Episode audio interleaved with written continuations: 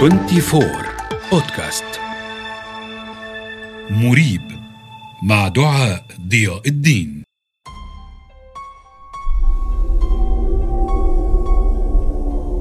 من يدخلها يشيب فجأة أو يصاب بالجنون. حفرة ملعونة بنيت فوقها قلعة في منطقة نائية بشمال مدينة براغ في الجمهورية التشيكية.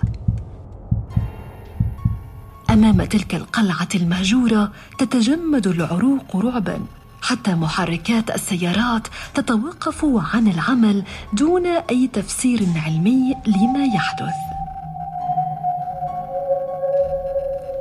أهلا بكم في الحلقة الخامسة من بودكاست مريب. أنا دعاء ضياء الدين وسأروي لكم الحكاية من البداية. قلعة هوسكا تشيكية سميت أيضا ببوابة الجحيم بنيت وسط غابة على سفح هضبة لا يحيط بها أي شكل من أشكال العمران فقط مستنقعات مائية وجبال.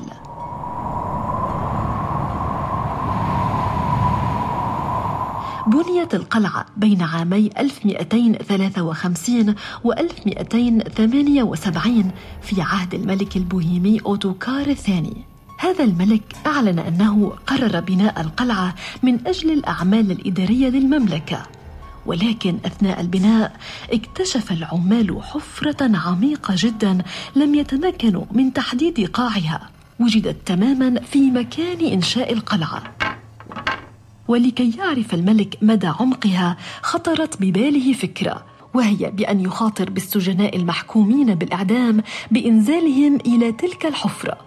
فأصدر تعميما يقضي بالإعفاء عنهم بشرط واحد هو النزول إلى الحفرة عبر حبل لمعرفة نهايتها. الأمر كان مغريا للسجناء فتقدم أول سجين للمهمة على أمل أن يتخلص من حكم الإعدام.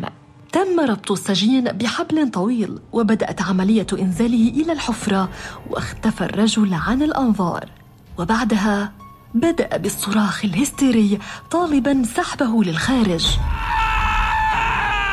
أثار صراخه فضول من في الأعلى فقاموا بسحبه ليصدموا بما رأوا. الرجل خرج من الحفرة شائب الشعر وكأنه كبر عشرات الأعوام وبدأ بترديد عبارات غير مفهومة وهو في حالة من الهلع ويتحدث عن أشباح تخرج من الجحيم. فقررت السلطات نقله إلى مصح عقلي ليتوفى بعدها بأيام قليلة.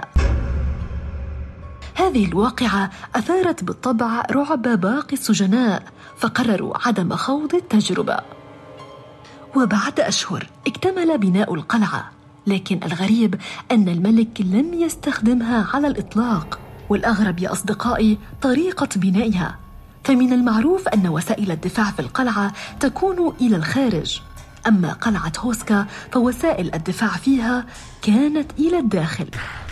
نوافذ القلعة مزيفة وبحسب علماء الآثار هي ليست مجهزة للعيش فيها فهي لا تحتوي على مطبخ ولا يوجد بها مصادر للمياه ولا وسائل صرف صحي وكأنها بنيت لمنع شيء ما.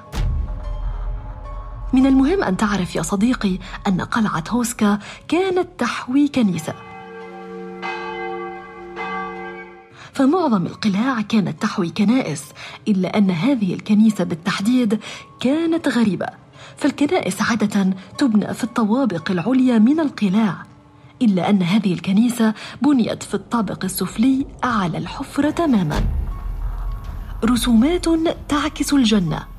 وأخرى تعكس الجحيم وشياطينه غطت جدران الكنيسة وهو ما يذكرنا بالكائنات المخيفة التي رآها السجين عند نزوله إلى الحفرة بحسب ما روى وتناقل السكان المحليون. وما يؤكد وجود تلك الحفرة يا أصدقائي ما قاله الكاتب التشيكي فاكلاف هاجيك في كتابه بعنوان أحداث تشيكيا الصادر عام 1541 قال إن الأبحاث الأثرية تؤكد وجود شق عميق في سفح الهضبة التي بنيت عليها القلعة.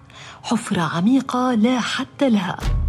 تعاقبت الأزمان على القلعة ومر عليها العديد من الحقب التاريخية والسياسية. ففي حرب الثلاثين عاما ما بين عامي 1618 و 1648 والتي نشبت في أنحاء أوروبا بين الكاثوليك والبروستانت وقعت القلعة بيد الجيش السويدي بقيادة أورونتو. هذا القائد الذي كان معروفا بوحشيته فكان يقوم فيها بتجارب غير إنسانية على الأسرى. وكان السكان يسمعون صرخاتهم الدمويه وبسبب وحشيته قام قاتلان مرتزقان بقتله في القاعة الرئيسية للقلعة. ويقول سكان المحليون يا أصدقائي إن شبح القائد أورونتو ما زال يجوب القلعة غاضبا بالإضافة إلى سماعهم أصوات وصرخات بلغات مختلفة خلال الليل. النازيون أيضا افتتنوا بالقلعة لغموضها فكانت ضمن أهدافهم خلال الحرب العالمية الثانية وعند دخولهم تشيكيا قرروا اكتشاف أسرار القلعة. فقام القائد الألماني هانريش هيملر بالإقامة فيها وكتابة ما يقارب ثلاث عشرة ألف ورقة روى فيها كل ما يجري. ولكن عند انتهاء الحرب وخروج الألمان من القلعة أحرقوا كل كتابات هيملر حولها لأنهم كانوا يعتقدون أن من يتمكن من السيطرة على هذه القلعة سيخضع له العالم والسؤال الذي يخطر ببالك الآن يا صديقي ماذا قال العلماء عن قلعة هوسكا؟ بعض الدراسات الجغرافية للمنطقة أثبتت تعرض الأرض المحيطة بالقلعة لهزات أرضية على مر السنين إلا أنها لم تحدث شقوقا في الصفائح الأرضية ورغم ذلك أكدوا وجود الحفرة الغامضة أسفل القلعة ولم يتمكنوا من تحديد عمقها وسبب بناء القلعة بهذا الشكل المريب. وإلى يومنا هذا لا يوجد تفسير مقنع عن سبب بنائها سوى نظرية واحدة تبناها السكان المحليون وهي إغلاق باب جهنم بحسب معتقداتهم ولمنع الشياطين من اقتحام عالم البشر وحماية العالم من الأهوال المخبأة في هذه الحفرة. وهذا ما يفسر أصدقائي سبب وجود دفاعات القلعة إلى الداخل وليس العكس منعا للشياطين وأتباعهم من الدخول إلى الأرض البشرية. أما المشاهدات والأشباح التي يراها السياح ومن سبقهم فلا تفسير علمي لها سوى أنها هلوسات وتهيؤات بحسب علماء النفس. وحاليا تعد قلعة هوسكا مزارا سياحيا لمحبي الرعب والمغامرة فكل من زارها رأى أشياء غريبة وأشباحا كحصان أسود دون رأس يركض في قاعتها الرئيسية يظهر ويختفي فجأة وشبح طفلة جميلة تركض في المكان وأشياء تتحرك من تلقاء نفسها وأنت ماذا عنك يا صديقي؟ هل تجرؤ على زيارة القلعة؟ في النهاية ما يزال العالم مليئا بالأشياء الغامضة ككرسي بازبي الملعون موضوعنا الأسبوع المقبل. إلى اللقاء.